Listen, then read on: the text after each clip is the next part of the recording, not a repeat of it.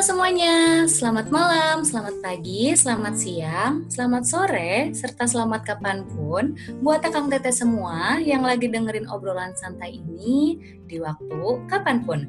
Selamat datang di Movie Talks dari Kasrat episode perdana. Yuhu, tepuk semuanya. Asik. Kali ini Akang Tete semua bakal ditemenin nih sama aku. Kenalin, nama aku Afifah, biasa dipanggil Apip. Tapi aku nggak sendiri nih. Ada beberapa orang yang bakal nemenin kita selama beberapa menit ke depan. Dan di sini sudah ada Kang Yujin dan juga Kang Alfa. Halo Kang. Halo, halo, halo. Halo. Nah, eh, karena kita sudah bersama beberapa orang nih buat ngobrolin tentang movie talks kali ini. Tapi sebelumnya kita juga mau kenalan nih sama akang-akang yang ada di sini. Coba nih, teh. Tapi akang-akang ini apa kabar nih, Kang? Sehat, sehat. Ya Jin, ya Jin. Alhamdulillah baik aku. Alhamdulillah baik sehat ya semuanya ya. Nah, kita kenalan dulu nih Kang, lebih jauh ke akang-akang semua nih. Dari Kang Yujin dulu nih Kang, boleh kenalin diri dulu dari jurusan mana, angkatan berapa, serta asalnya dari mana nih Kang? Boleh Kang? Halo, nama aku Yujin dari Teknologi Pangan angkatan 2018 sama asal aku dari Gunung Putri, Kabupaten Bogor. Wah, mantap mantap. Lang lanjut boleh ke Kang Alfa nih. Sama deh ke Kang Alfa juga dari jurusan mana, angkatan berapa, sama asalnya dari mana nih Kang? Ya, makasih banget. Aku Alfa dari TIN 18. Asal saya dari Bandung. Dari Bandung, Bandung mana tuh Kang? Saya di Bandung Timur. Oh, Bandung Timur. Nah, kan kita udah tahu nih ya asal-asal Akang ini satu dari Bogor, satu lagi dari Bandung. Barangkali buat Akang Teteh yang dengerin mau nyamperin Akang-akang ini boleh banget disamperin, tapi eh, jangan dalam waktu dekat karena eh, sekarang kan kita lagi lockdown atau social distancing nih. Ngomong-ngomong tentang social distancing atau lockdown nih Kang, kan kita semua lagi work from home nih uh, dari Kang Alfa nih, gimana nih pengalaman selama work from home atau lockdownnya nih Kang? Wah, yang pasti asik banget lah ya. Apalagi kan kalau misalnya di TIN sendiri rata-rata proyeknya kayak humanity based gitu. Jadi kayak asik banget aja sambil belajar, sambil kita berbuat kemanusiaan gitu, Pip. Oh, kemanusiaan ya. Sampai keluar rumah juga nggak Kang? Nggak terlalu sering. Oh, Ya, nggak terlalu sering kegiatan sih. kemanusiaannya kalau boleh tahu ngapain tuh Kang? banyak banget kontribusinya kan kontribusi nggak cuma sekadar kayak biasa aja kan jadi kita menggunakan paling bisa pakai men bisa menggunakan mesin metal dan lain-lain itu diubah-ubah di sananya aja sih Hmm, jadi eh, cukup ramai ya Kang ya kalau misalnya ngedengerin dari pengalaman Akang sama work from home itu. Kalau Ya. Kang Yuji nih Kang, eh, kegiatan lockdown work from home karantinnya gimana tuh Kang? Kayaknya kalau mendengar dari yang Kang Ava jadi minder ya. Beda banget sama aku. Kenapa tuh Kang? Kayaknya kalau tim itu enak banget ya, banyak banget kegiatan ya, Pak. Kalau yang TPN sendiri, kalau alhamdulillah kegiatan kalau kegiatan kitanya itu benar-benar cuma kuliah, bangun, kuliah. Itu pun kalau ada kuliah. Kadang dosennya kayak nggak ngasih kuliah gitu. Kadang cuma ngasih tugas, udah. Tugas, tugas, tugas. Udah gitu aja kegiatannya. Kerjain tugas, bangun tidur, makan pagi, tugas, Nggak ada kelas film online gitu paling.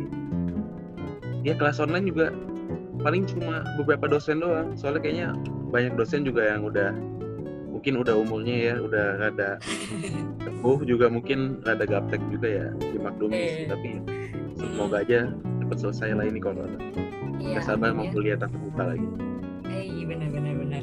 Nah, em, selain itu nih Kang, kan kemarin-kemarin tuh habis minggu UTS tuh ya Kang ya. UTS-nya gimana tuh Kang? UTS online di rumah tuh gimana tuh? Kang izin dulu deh. aduh udah Gimana, UTS Jin? online gimana ya kayaknya kalau diceritakan bahaya juga sih ma- masalah UTS online ini Waduh. Kenapa banyak tekan? sekali ini ya banyak sekali godaan-godaan dari setan ya yang datang ya tapi ya saya tidak tergoda lah ya Wih, keren banget emang. Ketahan gitu ya. tahan tahan tahu nggak tuh godaannya apa kira-kira Apa tuh? Gak usah kasih tahu deh takutnya nanti ada Eh. dosen yang mendengar di sini ya Eh, kayaknya kayaknya itu godaannya untuk seluruh ma- mahasiswa yang kuliah online deh kayaknya, sepemikiran. Alfa juga nih pasti yakin Waduh, kalau Kang Alfa gimana tuh Kang UTS-nya kemarin?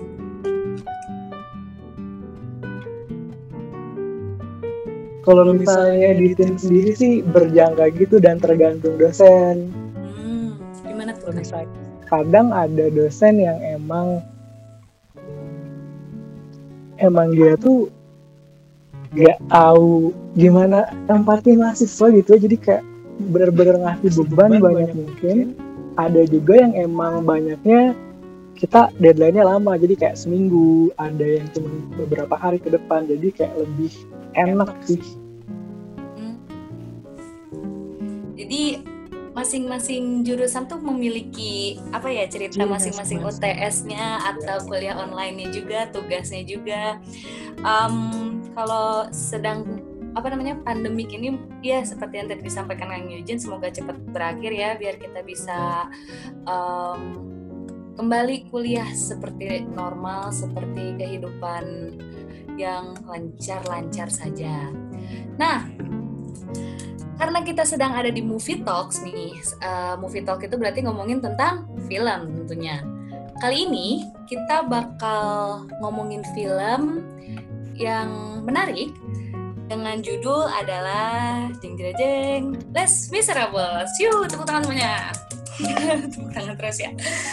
Nah, sedikit informasi tentang film ini. Jadi film ini tuh merupakan film rilis yang rilis tahun 2012 dan durasinya 160 menit nih. Nah, mungkin beberapa orang dengar durasi 160 menit ini agak bosen ya. Tapi di film ini tuh mengusung temanya drama musikal. Disutradarai oleh Tom Hopper, orang yang sama yang ngedirect film The Danish Girl yang pernah booming di tahun 2015. Terus film ini tuh keren banget karena apa? Karena film ini telah memenangkan banyak penghargaan. Kurang lebih ada 22 penghargaan dari yang sekelas Academy Award, Golden Globe, BAFTA, dan lainnya. Keren banget. Tepuk tangan lagi. Em, terus di pemeran dari film Les Miserables ini tuh nggak main-main. Kenapa? Karena pemainnya tuh keren-keren banget dan bertalenta. Pemainnya tuh ada Hugh Jackman yang kita tahu pemain film Wolverine. Terus di sini beliau berperan sebagai John Valjean sebagai peran pemeran utama dari film ini. Terus ada juga pemeran selanjutnya Anne Hathaway yang berperan sebagai Fontaine. Kemudian ada Amanda Seyfried sebagai Cosette. Terus ada Eddie Redmayne yang kita tahu pernah menjadi pemeran utama dalam film Fantastic Beasts dan Where to Find juga di Lily the Danish Girl. Kemudian sinopsis atau apa ya eh, sedikit cuplikan ceritanya dari film ini. Eh, behind story-nya Les Miserables ini diangkat dari novel karangan Victor Hugo di tahun 1862. Beliau sendiri adalah sastrawan besar dari Prancis. Secara besar, secara garis besar, film ini menceritakan tentang peristiwa perjalanan hidup dari John Valjean yang diperankan tadi oleh Hugh, Jack- Hugh Jackman, dimulai dari saat ia bebas bersyarat setelah menerima hukuman selama 19 tahun atas tuduhan mencuri roti. Walaupun dia bebas, gerak-geriknya selalu diawasi oleh seorang inspektur bernama Jaffard hingga ia memutuskan mengganti identitasnya menjadi Tuan Madeline. Nggak cuman itu, nggak cuman ganti identitas nama, eh, kehidupannya pun setelahnya menjadi sukses karena ia membangun usaha dan menjadi wali kota yang dihormati karena kebaikannya.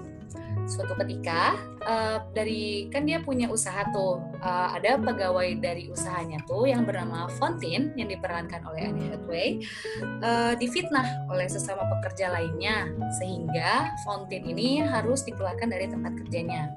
Berharap mendapat bantuan dari Tuan Madeline, ia malah dipecat hingga terpaksa menjual dirinya.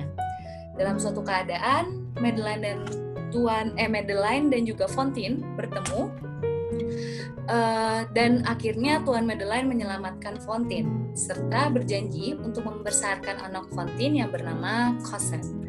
Kemudian setelah bertahun-tahun Tuan Madeline hidup tenang, suatu ketika Cosette membuat pemuda bernama Mercius yang jatuh hati padanya. Cosette pun juga merasakan hal yang sama pada Mercius. Jadi mereka saling jatuh cinta itulah pada pandangan pertama.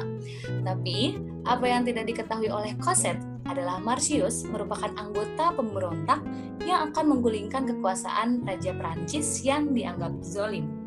Setelah bertahun-tahun menghilang dalam damai, keberadaan Tuan Madeleine tercium kembali oleh Inspektur Jaffard yang selama ini selalu mencarinya dan bersumpah akan menangkapnya kembali dan menjebloskan uh, John Valjean ke dalam penjara. Nah, apakah akankah atau apakah Marcius berhasil memperjuangkan Prancis dan mendapatkan Cosette? Terus kira-kira nih di film ini bisa nggak ya Tuan model Tuan Madeline atau uh, John Valjean kabur dari Inventor Jafar. Nah, selengkapnya bisa Kang Teteh tonton uh, karena kalau misalnya diceritain semua nanti nggak jadi bukan jadi movie talk gitu ya malah jadi storytelling mungkin setelah uh, ceri apa namanya obrolan santai ini bisa menjadi inspirasi buat akang teteh semua ngisi waktu selama work from home uh, barangkali yang belum nonton bisa jadi nonton, barangkali yang udah nonton terinspirasi buat nonton lagi gitu. Nah, tadi kan udah sinopsisnya nih ya Kang ya. Kalau dari Kang Alfa sendiri nih Kang, Kang nonton film ini kira-kira pertama kalinya kapan tuh Kang? Les Miserables ya? Jadi sebenarnya kan film ini hasil sebenarnya banyak banget kan sebelumnya yang bikin adaptasi dari novel si Victor Hugo ini. Nah aku tuh sebenarnya benar-benar kurang terlalu ngikutin filmnya tapi kayak lebih banyak yang groundbreaking sih bukunya si Victor Hugo. Hmm. itu bukunya menarik banget ya. Bukunya bener-bener keren banget dan dan kurang lebih yang di film yang terbaru yang tadi Apik sebutin yang 2012 itu keren banget dan ya lumayan lah agak sedikit banyak adopsi dari si filmnya dan kebetulan yang 2012 ini tuh bener-bener nyertain dari agama tentang romansa dan sampai filsafat moral pun bener-bener terkandung di dalam si film ini. Yang The Danish Girl itu ya Kang? Yang yang Les Miserables ini. Oh iya, lesbi ya, oke, keagamaan. Benar-benar. Kalau dari Kang Yuji nih Kang, Akang sendiri apa yang membuat tertarik sama film ini dan kapan untuk pertama kali nontonnya? Aku pertama kali nonton film ini waktu itu zaman SMP kalau nggak salah. Hmm. Jadi aku nonton pertama itu karena masih mungkin masih SMP juga ya aku nggak terlalu mikirin ada ini sih ada hubungannya sama kehidupan zaman sekarang. Kalau dulu waktu aku nonton pertama kali aku cuma suka filmnya karena jalan ceritanya menarik sama aku waktu itu baru mulai demen film-film musikal karena ini musikal juga kan. Jadi aku nonton ini film musikal dan ini film aku kayaknya udah nonton 3 sampai empat kali dan masih nggak bosan gitu nonton film dan baru hmm. sekarang sekarang ini aku nonton lagi baru aku bisa ambil moralnya dan bisa disambungin gitu loh dengan kehidupan zaman sekarang bahkan masih nyambung walaupun setting ceritanya tuh tahun 1800-an di Prancis gitu. Hmm. Kalau... Bahkan begini kan, uh, Jin mau menambahin ya, Pip? Ya, bahkan ya, lagu-lagunya yang Do You Hear The People Sings itu masih sering didengungin sama demonstran-demonstran yang yang di Hong Kong loh. Jadi kayak masih banget kepake gitu lah. Ini kan semangat revolusi Prancis tuh. Iya pemberontakan Jadi gitu ya. Historisnya tuh masih nempel banget di film ini. Iya tuh bener banget. Kalau misalnya kalau misalnya dari Kang Yujin sendiri nih Kang, alur menurut Akang alur film ini tuh gimana sih Kang? Kalau buat alur, menurut aku dia kayak bawa-bawa buat penonton tuh jadi mikir gitu loh alurnya nih kurang ngerti juga sih ya bukan anak sastra atau anak seni. Jadi ya menurut aku ceritanya seru sih. Jadi kalau aku ditanya buat alur gitu-gitu kurang ngerti sih. Hmm, hmm, jadi maksudnya kayak Lah, eh, awam aja aku penonton awam lah sebagai Cintai film iya. Nah, kalau misalnya dari Kang apa nih Kang? Kalau scene favoritnya nih Kang, kan ini tuh film banyak banget ya eh, apa namanya hal-hal yang keren banget lah di film ini kayak mulai dari shootnya atau editannya atau gimana. Kalau dari Akang sendiri dari scene-nya nih Kang, gimana tuh? Yang paling menarik menurut Akang apa tuh Kang? Scene yang paling menarik adalah ketika ini kan tujuan akhir dari terakhir tuh pokoknya si ke, uh, geng namanya kan geng ABC ya. Jadi mereka bener-bener pengen sedikit memicu lagi pergerakan revolusi Prancis. Jadi mereka bener-bener dipantik tuh lewat pemakamannya itu tuh pemakamannya satu entah menteri atau apanya lah. Jadi bener-bener yang baik hati banget waktu mau dikuburin akibat penyakit nah akhirnya mereka tuh bergerak di sana yang terakhir itu loh yang sambil nyanyi nyanyi Do you hear the people sing? Wah, Oh iya itu banget ya. keren banget ya. Parah setuju. banget ya. Ih, kayak kayak kerasa gitu ya kayak mereka kerjasama buat kayak memberontak yang tadi disampaikan di apa namanya di sinopsisnya tuh yang menjatuhkan Prancis itu. Iya, itu itu mereka bener-bener pengen ngubah banget. Mereka kan monarki banget ya Prancis tuh, jadi ya istilahnya paling tua lah sistem monarki dan emang mereka tuh pengen geruntuhin itu dan perjuangannya lama banget dan makanya yang bener-bener jadi kagum adalah ketika mereka walaupun lama gitu tapi perjuangannya tetap tetap bener-bener berapi-api gitu loh Fit. Mhm. Kalau Kang Eugene gimana tuh scene favorit dari sepanjang film Les Miserable ini? Scene favorit aku sih yang di akhir yang ada kayak tembok besar itu yang yang dibuat dari runtuhan bangunan kayu-kayu gitu. Oh barikade. suka favorit itu. Dan itu kan kayak semua karakter yang udah jatuh korban gitu kayak kayak ceritanya hidup lagi gitu. Karena sudah berhasil lah udah berhasil untuk menggulingkan lagi monarki yang udah terlalu lama berkuasa ini. Sama yang bisa aku lihat sih kalau dari segi historisnya kalau saya di settingnya kan itu dia kayak kayak 30 tahunan setelah revolusi Prancis nah ternyata setelah revolusi Prancis itu ada lagi nih raja yang udah bangkit bangkit lagi gitu. Padahal baru 30 tahunan di digulingkan monarki sebelumnya, tapi taunya ada ada raja lagi dan ternyata sama aja gitu, kayak nggak ada bedanya sama yang sebelumnya.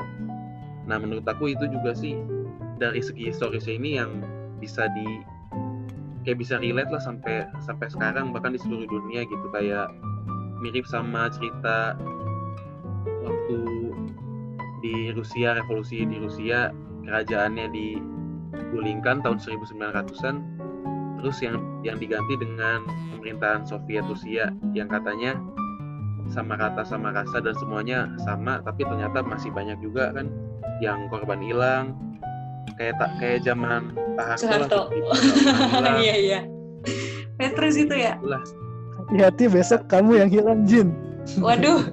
aduh ada tukang bakso tiba-tiba lewat kan jam 12 bahaya Nah tadi udah ngomongin scene favorit nih. Kalau misalnya eh, ini kan tokoh-tokohnya tuh ada Fontaine, terus ada Jalford, terus ada John Valjean. Ini yang kayak eh, yang menarik tuh yang gimana sih? Yang menurut akang-akang nih yang kayak, wah ini tuh perannya keren banget loh. Soalnya dia karena apa gitu. Nah kalau dari Kang Eugene deh, Kang Eugene dulu deh. Aktor Kalau atau aku pemerannya sih- gitu. aku suka favorit yang eh suka sama favorit sama ya maksudnya aku suka sama karakter yang dua itu loh dua pasangan suami istri yang penipu-penipu itu loh Oh iya. menurut aku menarik soalnya kayak di semua kejadian di mana pun itu kapan pun itu kejadiannya dari zaman dulu sampai sekarang kayak kejadian apa pun yang mungkin mengenaskan bagi satu pihak atau menguntungkan bagi satu pihak pokoknya kejadian yang yang berpengaruh bagi ba- banyak orang gitu itu pasti ada aja kayak, kayak satu kelompok kita nyebut ini enggak ya kayak satu kelompok yang Hmm. kurang ngajar lah tetap aja ada aja orang-orang kayak gitu dan aku aku kenapa entah kenapa aku suka aja karakter kayak gitu aku aku merhatiin kayak di kejadian apa pun itu ada aja orang-orang kayak gitu yang mengambil keuntungan Iya, dari sebuah kejadian benci sih tapi tapi Tapi menarik gitu ya, karakternya. kayak ada aja, kayak bener. Kalau dari Kang Alfa nih Kang, tokoh atau karakternya nih yang menarik dan alasannya tuh Kang? Boleh dua nggak, Pip? Boleh, boleh, boleh. Semuanya juga boleh Kang sebenarnya. Jadi yang paling pertama yang paling difavoritin tuh Yavert. Kenapa tuh Kang? Nggak kenapa? Ya walaupun sebenarnya dia adalah villain atau enggak yang sisi jahatnya gitu ya. Tapi sebenarnya dia tuh kalau misalnya kita telisik lagi dia punya integritas yang keren banget tau. Ah iya iya. iya. Bener keren banget itu bener-bener dari awal sampai akhir. Tapi integritas dia, visinya dia buat bener-bener nyintain pekerjaannya, terus bener-bener total itu bener-bener keren parah dan aplausnya buat dia wah banyak banget deh. Iya, terus saking integritasnya setelah dia ditolongin sama Madeline itu dia bunuh diri kan, merasa kayak merasa kayak udah lah gitu. banget dia bener-bener dedikasinya terhadap hukum tuh bener-bener keren banget makanya itu wah visinya dia tuh keren parah Hmm.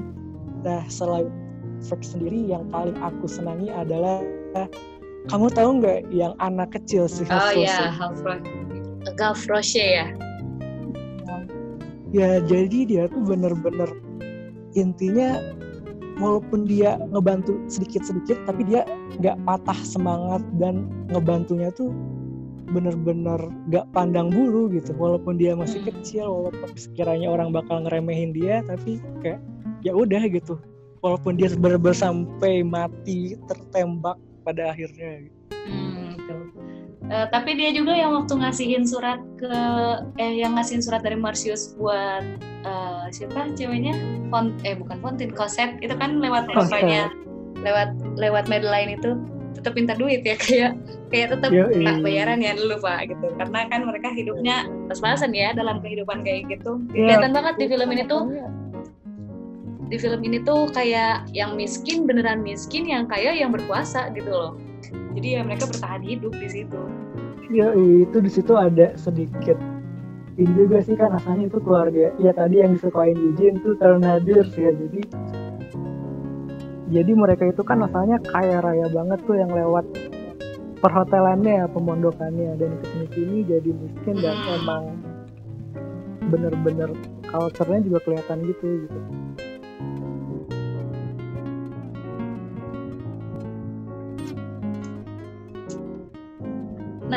Eh, kalau kalau aku sendiri kalau aku sendiri ngomongin karakter yang aku suka tuh yang yang cewek yang suka sama Marcius sebelumnya itu loh mereka eh dia tuh kayak dia tuh ngasih tu- nunjukin ke Marcius rumahnya Cosette di mana berjuang dengan dengan cinta gitu ya. Kalau kalau kalau ngelihat dari sisi itunya kayak eh, berjuang eh memberikan apa pun untuk Marcius tapi dianya kayak tidak dihargai gitu. Marciusnya suka sama Cosette kan di situ.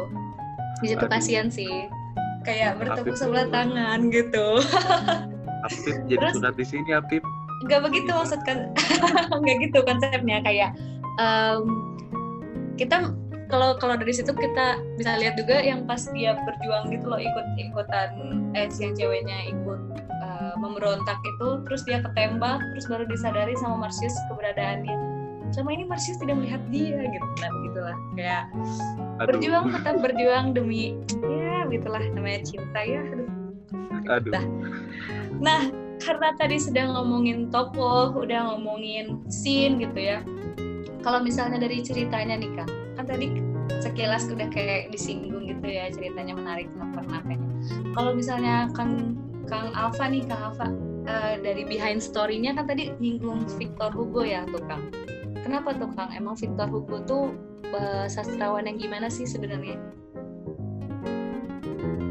Ya itu keren parah sih Victor Hugo kan soalnya ternyata dia waktu bener-bener nulis film Miserable ini emang ternyata ngegambarin hidupnya dia gitu loh. Jadi seakan-akan si yang Paul yang itu bener-bener dia banget gitu. Dia bener-bener ngerasain di mana waktu istilahnya zaman zaman masih berjuang Prancisnya buat jadi keren banget jadi gimana. Jadi bener-bener empatinya tuh dapet banget.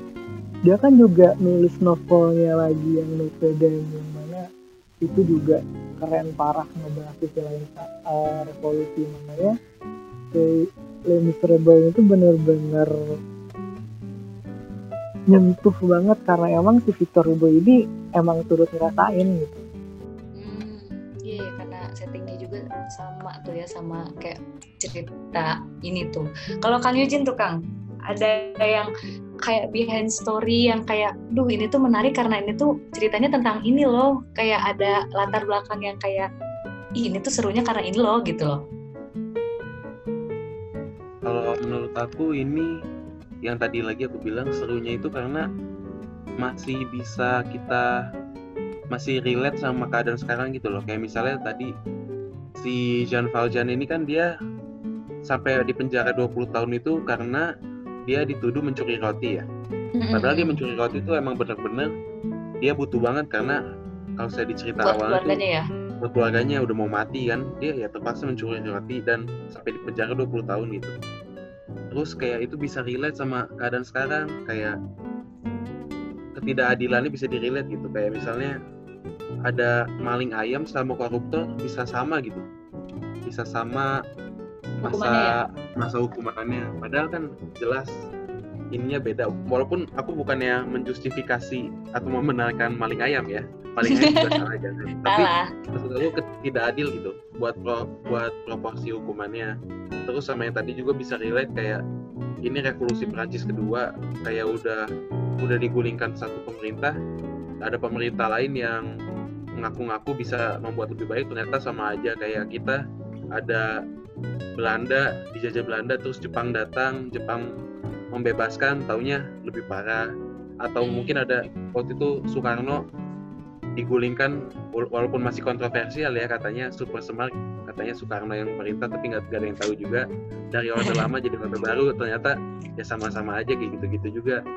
Jadi menurut aku itu sih yang bisa dicontoh sama banyak juga pesan moralnya gitu loh. Kayak bisa ada kita bisa lihat si Jean Valjean ini dari dia dari maling ayam kan katanya terus dia maling roti kan sebenarnya. Eh maling ayam maling roti. Maling ya. roti roti roti. Tiba-tiba maling ayam di film Les Miserables. Jadi bebasin kan terus cari kerja.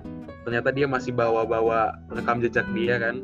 Jadi dia nggak diterima di mana-mana akhirnya dia terpaksa mau mencuri lagi dari biara kan. Ternyata iya, ada itu. orang baik nih ada orang yang baik ada pastor atau atau pastor atau penjaga biara itu kalau nggak salah. Dia ngasih udah ketahuan mencuri dia kasih dikasih lagi malah ditambahin itunya bahan yang yeah. dicurinya malah ditambahin lagi. Nah Terus itu dia syarat kayak, gitu kan. sikap sikap baik bisa lebih baik gitu. Ya sikap baik ini yang bisa merubah orang gitu. Orang dari jahat terus dikasih gestur kebaikan berubahlah dia sampai jadi mayor kan jadi mayor dari mayor wali kota dari sebuah kota dia bahkan hmm. punya perusahaan kan. Kayak gitu sih yang bisa aku petik dari film ini. Kalau aku sendiri ngelihat film ini tuh kayak film yang ya gitu ngajarin tentang kayak hal-hal baik itu pasti bisa membuat seseorang yang tadinya tidak baik jadi lebih baik gitu ya. Dan kalau misalnya kita kita belum nyinggung karakter uh, Fontin di sini. Padahal karakter Fontin itu dia cukup krusial ya di sini. Aku tuh cukup kasihan ya sama dia. Dia udah difitnah terus dia harus jual diri dari jual rambut jual gigi demi anaknya konsep yang dirawat sama tadi tuh yang dua orang menyebalkan itu yang punya hotel dan mencuri lalalanya nah di sini kalau menurut Kang Yujin tuh karakter Fantin tuh gimana sih Kang? Fantin, Fantin. Aneh Hathaway, Aneh Hathaway. Oh iya, sama itu juga menurut aku kasihan sih dia mm-hmm. karena kan? harus menjual ini ya kayak jual harga diri gitu ya mm. sampai dia kan ke tempat kayak tempat paling sampahnya dari suatu kota yeah. di tempat-tempat prostitusi itu terus dia di di ini kan dia dia di dibayar sama orang kayaknya orang kaya ya. Orang kaya mau ke tempat prostitusi terus dibayar terus dia dia kayak dia kayak ngelawan gitu tapi malah dianya yang dimarahin sama dianya yang kena sama ketahuan sama si Javed kan dia ketahuan terus mau dibawa ke penjara. Tapi untung aja ada sih Jean Valjean yang menurut aku kayak ketidakadilan gitu masih sampai sekarang miris banget sih padahal itu kisahnya tuh zaman dulu banget tapi setelah udah lewat ratusan tahun tapi zaman sekarang masih kejadian. Bukan di Indonesia aja di mana aja itu kan. Hmm. sedih sih aku jadi konten guru, guru yang ingin menyambung hidup doang tapi cobaannya banyak banget Kalau menurut yang Alfa tuh Kang, kan Fontin tuh dia difitnah tuh ya Kang sama sama buruh yang lain. Kalau menurut Akang tuh kenapa sih dia harus difitnah itu loh? Aku aku agak di situ ada agak kayak kok difitnah gitu. Sebenarnya versi film sama versi novelnya agak sedikit beda. Oh, kenapa tuh Kang bedanya Jadi- gimana tuh? Sebenarnya bedanya agak sedikit banyak. Cuman kalau misalnya yang konteksnya di film ini, jadi si Valentin ini benar-benar difitnah gara-gara si yang ya istilahnya ngelecehin dia itu emang ternyata orang pemerintahan gitu. Jadi benar-benar ya orang sana kan namanya masih feodalisme yang kalau misalnya orang pemerintahan ya segalanya gitu mau salah mau apa yang penting dia benar gitu. Jadi benar-benar ke arah sana nah dia difitnah gara-gara ya itu orang-orang sana yang pemerintahannya mabuk dan kebetulan ketemu Stanton akhirnya dilecehkan tawan Devert ya udah Mm-mm. gimana lagi gitu. Kalau itu versi filmnya ya Kang ya. Kalau di versi novelnya gimana tuh Kang? kalau misalnya di versi novelnya itu Valentinnya ini agak sedikit ini sih jadi si sebenarnya si Cosette tuh belum lahir gitu Hmm. Jadi benar-benar bedanya akhirnya juga kan ya Iya, jadi dibawa ke rumah sakit gitu kan sama si John. Mad ini si Monsieur, ya sama si Monsieur Madame-nya jadi agak sedikit ya gak apa lah nama juga di film kan.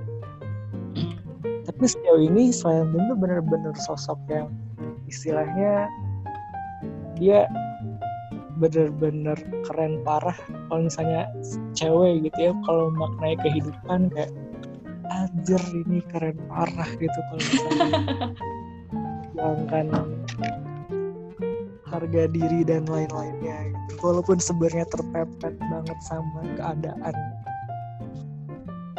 Iya ya, soalnya kalau misalnya kita lihat dari behind eh dari kalau versi filmnya itu dia kan berjuang gimana pun ngejual eh gimana caranya biar dapat uang buat anaknya itu kan, buat si kosetnya itu. Tapi si kosetnya tuh kasihan juga gitu sama dua orang yang tadi itu malah dia dijadiin budak lah, disuruh inilah gitu. Nah, terus nih Kang, karena tadi kan ngomongin Fontin, ngomongin John Valjean, ngomongin juga Javert, Javert gitu kita Marcius nih kita lanjut ke Marcius tokoh yang Marius tokoh yang- Hah? Marius. Marius ya Marcius oh iya bener Marius. Soalnya ya Miss Miss Miss reading ya maaf. Terus kayak Yoi. ya kalau misalnya Kang Alfa nih Marcius tuh tokohnya gimana sih? Sama yang uh, pada pemberontak lainnya tuh gimana sih dia? Marius sendiri dia kan anak hukum ya. Dia tuh anak hukum yang lagi kuliah dan bener-bener sama teman-temannya memperjuangkan nasib rakyat-rakyatnya gitu itu kayak bener-bener nah harusnya mahasiswa-mahasiswa sekarang tuh bener-bener ngelihat ke arah sana gitu. Bahkan oh si iya ketua bener geng bener ketua geng ABC itu kan bener-bener nggak takut mati nggak takut apa. Dia bener-bener nyabotase. Keren parah lah bener-bener satu sosok yang bisa diteladani gitu. Walaupun sebenarnya ya lagi-lagi gitu ya miskonsepsi antara film dan novelnya akhir-akhirnya juga beda. Jadi kak Hmm. yang kalau misalnya ada yang difitnah sama si Ternadirs terus ada yang bener-bener ternyata emang baik sampai akhir gitu. Jadi ya gitulah.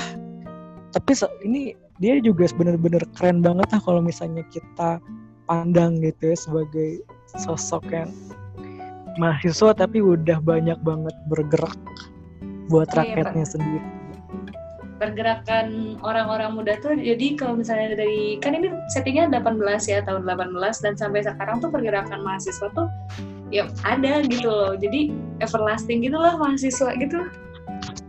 Yo, ini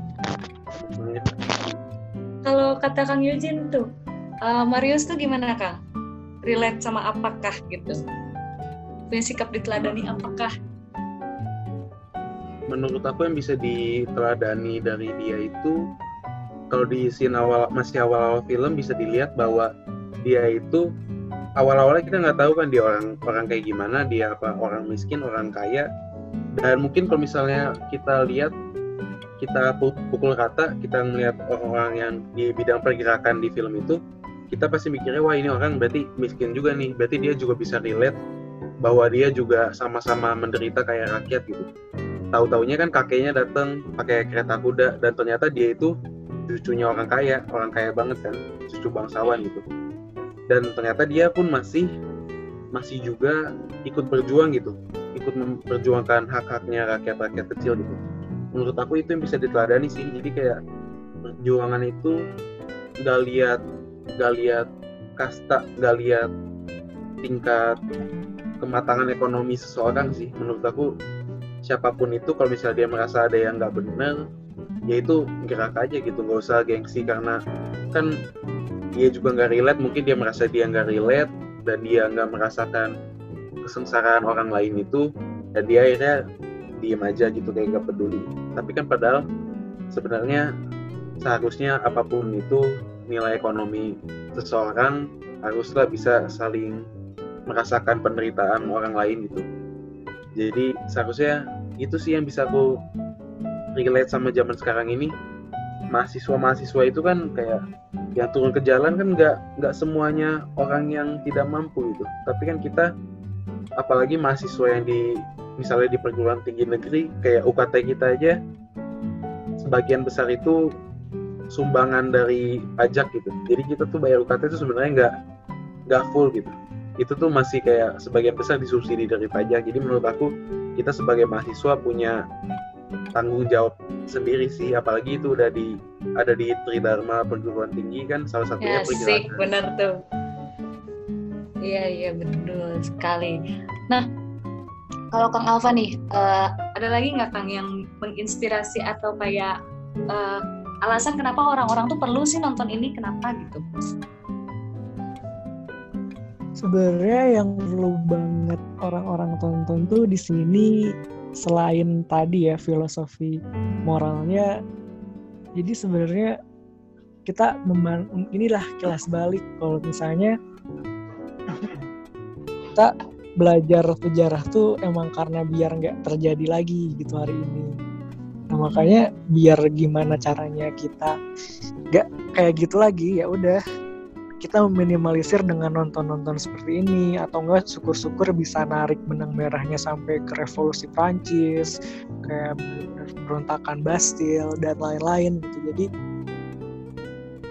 cocok banget lah kalau misalnya buat orang-orang yang pengen belajar sejarah tapi nggak tahu mulai dari mana ini bisa banget jadi rujukan mulai dari segalanya gitu. Hmm. Kalau Kang Yujin gimana tuh Kang? Apa yang merekomendasikan? Kenapa orang-orang perlu nonton ini untuk uh, work from home, eh, untuk mengisi karantin time gitu Kang? Kalau menurut aku, kalau misalnya emang kalian nggak terlalu peduli atau tidak terlalu mementingkan pesan moral pertama alasannya film ini ya emang bagus aja gitu kalau misal kalian tidak memandang moral-moral gitu ya emang bagus emang menghibur emang film musikal juga kan jadi lagu-lagunya juga catchy gitu. jadi kalau saya selain itu juga menurut aku belajar sih belajar dari film ini banyak banget pelajaran yang bisa diambil. Bukan film ini doang gitu banyak banget film yang bisa diambil pelajarannya.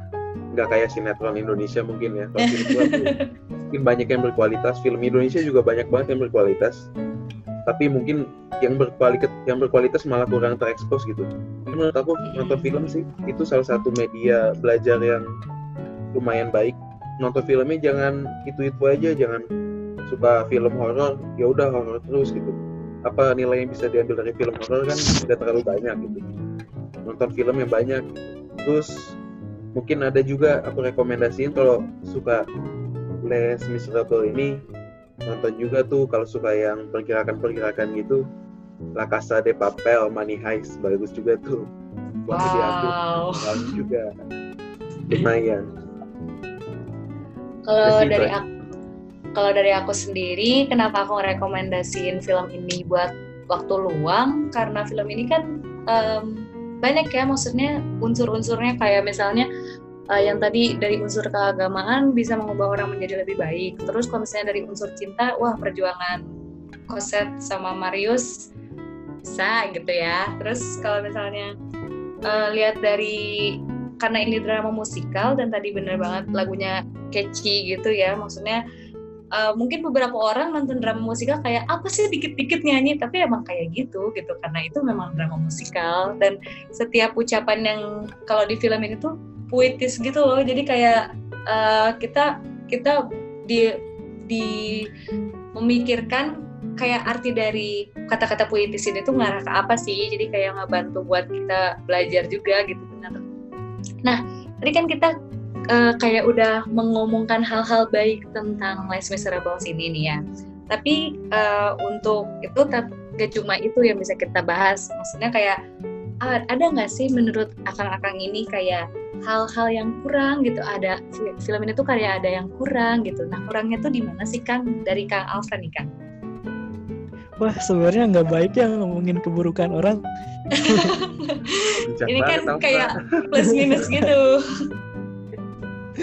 ya sebenarnya ini banget sih yang paling penting tuh sebenarnya kan film ini istilahnya yang tadi aku sebut bener-bener ngebawain gemanya revolusi Prancis yang bener-bener ngebawa spirit liberté, egalite dan fraternité gitu. Bener-bener harusnya ini bener-bener sesuai dengan apa yang terjadi gitu entah di novelnya atau enggak di apanya. Jadi bener-bener bisa istilahnya relate gitu loh. Tapi walaupun sejauh ini ya is okay nggak terlalu melenceng. Cuman ya bener-bener sekali lagi kalau bikin film mungkin lebih agak disesuaikan atau mungkin beda ya kali mikirnya antara penikmat sama produser film yang mana mereka benar-benar ngejar keuntungan ngejar apa gitu kalau menurut kamu gimana Fit?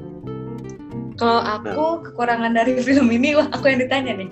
Kalau aku kekurangan dari film ini tuh karena aku mungkin eh, apa ya tentang revolusi Prancis tuh aku not a big fan gitu ya. Kayak cuman tahu oh ada ada gitu revolusi Prancis tuh. Jadi kayak pas nonton sekali tuh kayak oke ini film ngebawa kita ke mana sih gitu. Nah tapi di situ karena adanya film ini tuh ya jadi kelebihan lagi ya. Karena adanya film ini tuh jadi bikin kita kayak kenapa ini kayak gini, kenapa ini kayak gini, bikin kita wondering dan bikin kita nyari gitu. Oh ternyata alasannya tuh ke sini gitu.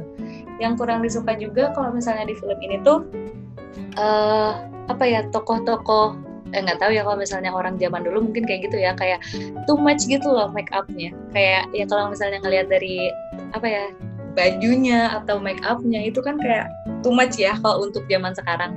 Ya aku sih nggak mengkritisinya dari situ aja. Tapi mungkin karena emang tuh dari dulu eh karena itu settingnya tahun abad 8 eh tahun 1860-an lah ya mungkin memang seperti itu tapi kurang serak aja sama aku gitu kalau Kang Yujin gimana Kang? aku kalau ditanya kekurangan film susah juga sih karena aku nggak bisa kayak kalau misalnya aku udah suka film aku susah melihat kebaik kejelekan dari film itu gitu jadi Ih, aku keren tuh kayak kalau ada film karena aku bukan kritikus film juga jadi nggak ngerti juga Ya. kayak nggak ngerti sinema nggak ngerti sinematografi gitu gitu kan nggak ngerti juga jadi aku kalau film tuh cuma suka atau nggak suka gitu.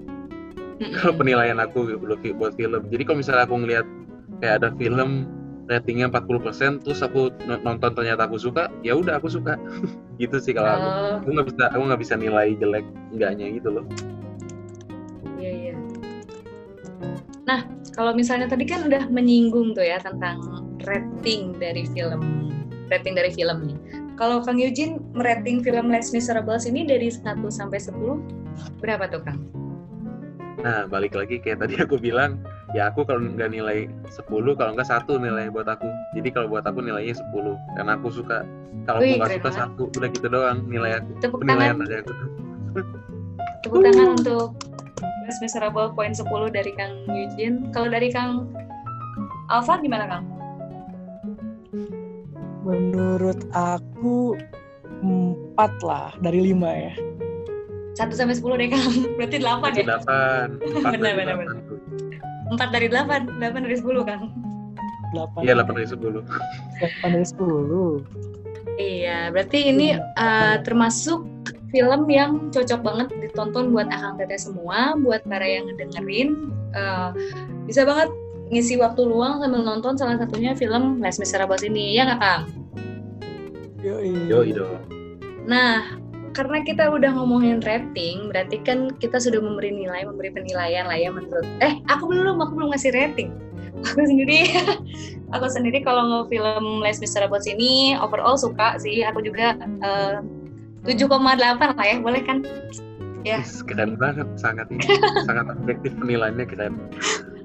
Karena eh, 2,2 sisanya itu ya tadi karena aku harus memikir dua kali gak semua orang suka mikir dua kali ya buat kayak kenapa ini terjadi kenapa ini terjadi tapi ya mungkin orang suka bikin eh orang suka buat mikir dua kali tentang film ini. Eh, tadi balik lagi karena kita udah ngasih rating dan penilaiannya. Mungkin obrolan kita tentang Les Miserables eh, sampai sini. Tapi sebelum penutupan aku mau ngingetin juga nih Kang buat eh, para pendengar yang lain buat anak yang lain buat stay at home. Ya nggak tuh Kang Iya dong, saya tahu. Ap- ada yang mau disampaikan nggak Kang buat yang stay at home dari Kang Alfa nih? Stay at home ya. Iya, buat pesan-pesannya buat Akang Teteh yang stay at home. Apa ya? Jadi bener-bener banyakin cari hal yang baru aja sih. Jadi kalau misalnya kan sekarang lagi banyak banget tuh waktu luangnya gitu.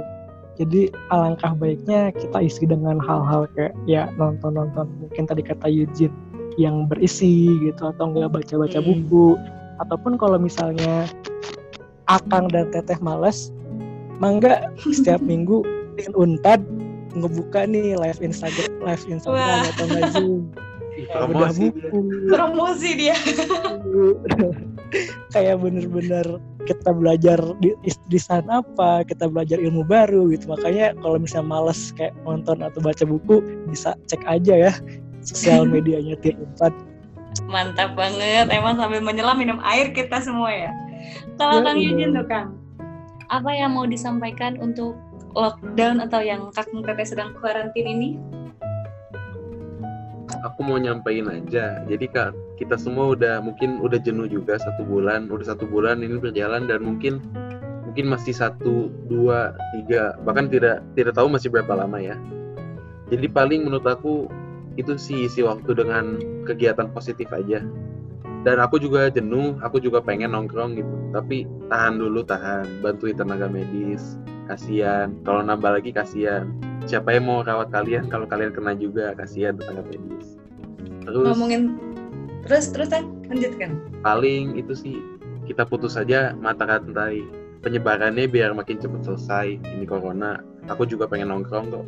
Nggak sabar pengen ketemu teman-teman di FTIP pengen Oh, ketemu, itu. ketemu teman-teman di Unpad. Wih, cie, tuh anak-anak FT, Kang Teteh FT tuh dicariin sama Kang Yujin nanti pas masuk ditagi ya. Um, eh, Iya, tentang ah, apa tuh Kang? Ini Jin kita lupa Jin apa tuh Apa tuh? jangan lupa daftar FLC ya oh iya jangan lupa Waduh, daftar langsung Itu langsung. ya bagus tuh, untuk kepemimpinan kalian apalagi selama Mm-mm. masa web selama wa- masa karantina kan gabut ya mending daftar aja tuh lumayan nambah nambah nambah banget gak sih kemampuan kepemimpinannya gitu. Apip juga ikutan ya? Wah, Ya. OTW kan. Oke. Kalau misalnya dari aku buat Oh iya, ngomongin COVID-19 jangan lupa juga baca pesan dari Kasrat. Betul nggak kan? Yoi dong, baca dong, baca. Baca-baca semua yang dikeluarin BEM lah, itu lumayan Iya. buat ngisi waktu luang, buat ngisi otak juga. Baca Iya, juga dari betul. Tin ya, ah ya, baca juga dari Tin ya. Baca juga dari Imatein, dari Imatipan kalau ada postingan dibaca semua ya. Himateta ikutan dong, Himateta ikutan. Himateta dong juga ini. ya. Himateta. Wih, ngomong dong Pip, Himateta, Himateta gitu. Ayo baca. Iya, ayo Himateta, ayo baca. Buat hima-hima lainnya, kita berproduktif sama-sama dengan membaca, saling membaca postingan yang keren-keren banget dari setiap postingan itu. Nah, kalau dari aku sendiri, buat akang teteh semua eh, yang lagi karantin, semangat terus kita semua pasti bisa menghadapi ini semua. Siapa yang mau menghadapi pandemi ini, tapi karena apa daya ya, kita semua kan gak ada yang tahu kalau ini bakal terjadi, apalagi di tahun 2020. Hmm, tet- eh, tetap semangat, tetap sabar karena banyak hal baik menanti setelah karantina ini. Eh, apalagi ya? Oh ya, jangan lupa jaga kesehatan. Minum air putih yang banyak, makan makanan yang bergizi, buah, sayur, jangan di skip. Terus olahraga, nah banyak juga nih kegiatan-kegiatan yang bisa diisi selama karantina ini. Salah satunya adalah olahraga. Eh, ya minimal eh, jangan rebahan terus ya buat akang teteh semua. Terus em, jangan lupa berjemur karena eh, berjemur itu mengasihkan lagi di atas jam 10. Oke? Kalau misalnya dari Kang Eugene ada lagi yang mau disampaikan nggak buat akang teteh semua yang lagi dengerin obrolan kita nih? Enggak sih, semangat aja terus. Atasi kejenuhannya dengan hal positif, udah itu aja. Semangat Betul. Dari Kang Alfa ada lagi yang mau disampaikan? Ini paling tetap jaga semangatnya, tetap positif dan sebenarnya kami dari lembaga-lembaga semua ada di FTIP benar-benar mendukung kalian dan memfasilitasi kalian dari rumah gitu. Makanya kalian tetap di rumah biarkan kami memfasilitasi kalian semua gitu biar tetap Wih, kalian keren banget. dan tetap asik lah gitu. Semangat terus ya. Nah, karena kita sudah di Makasih Apip, penghujung makasih Kastrat. Tadi udah udah makasih makasih. Karena kita udah di penghujung acara eh penghujung obrolan santai ini itu aja yang bisa kita obrolin mengenai film Les Miserables eh, buat inspirasi akang teteh semua. Dan mohon maaf apabila ada kekurangan. Happy weekend. Kalau misalnya lagi berweekend weekendan ngedengerinnya happy weekday. Kalau misalnya lagi hektik sama tugas semangat terus. Itu aja dari aku. Eh, mangga Kang Yujin mau sedadah-dadahan Gimana? Dadah, dadah, dadah semua. ya dadah-dadahan aja gitu kalau Kang Alfa mau dadah-dadahan juga Bye bye, makasih Apip.